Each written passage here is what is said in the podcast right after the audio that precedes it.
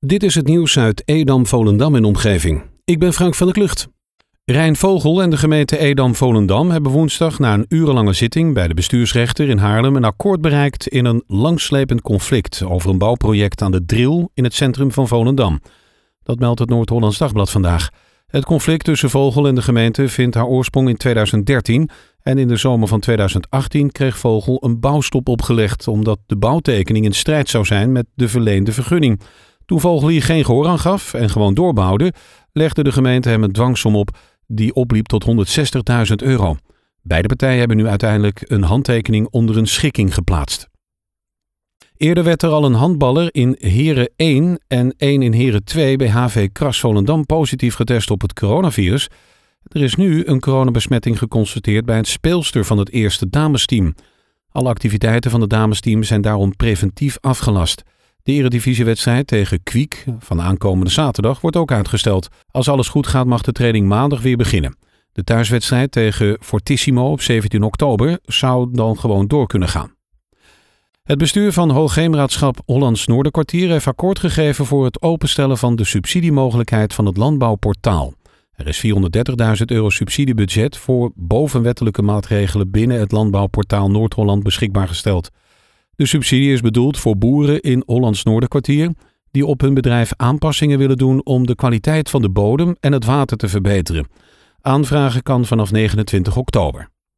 De oorzaak van de landelijke storing, waar een aantal ziekenhuizen donderdag mee kampten, is nog niet bekend. Dat zegt een woordvoerder van ICTZ, een grote ICT-dienstverlener voor de zorg. Het gaat volgens hun om een verbindingsprobleem tussen de provider en een datacenter dat leverancier is aan ICTZ. Of de problemen door een DDoS-aanval zijn veroorzaakt, kunnen ze niet zeggen. Ziekenhuizen in de regio die met een storing kampten zijn naar de Noordwest Ziekenhuisgroep in Alkmaar en Den Helder en het Dijklander Ziekenhuis in Horen en Purmerend.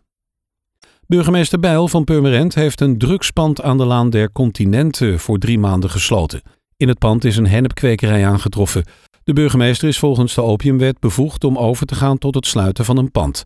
Dit mag alleen voor bepaalde tijd en als er sprake is van de aanwezigheid van drugs boven de normen.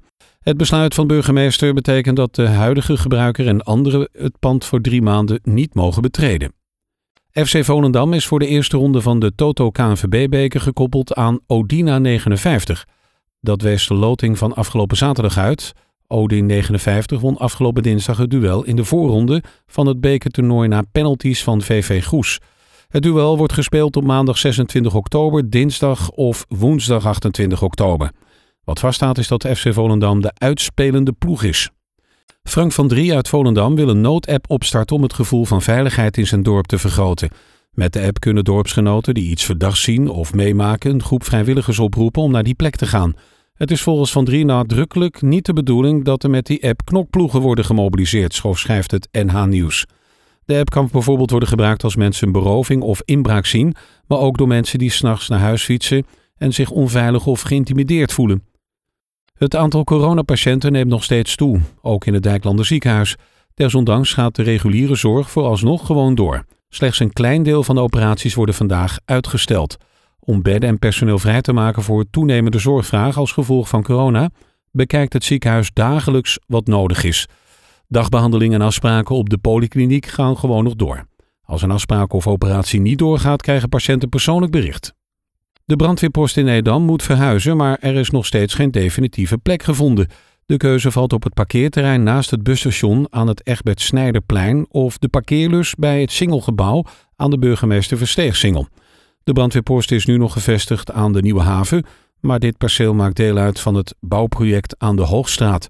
Ook heeft de gemeente Edam-Volendam het voormalige politiebureau aan de Dijmt in Volendam aangekocht, waar in de toekomst mogelijk de korpsen van Edam en Volendam samen kunnen worden ondergebracht. Tot zover het nieuws uit Edam, Volendam en omgeving. Meer lokaal nieuws vindt u op de Love Kabelkrant, onze website of in de app.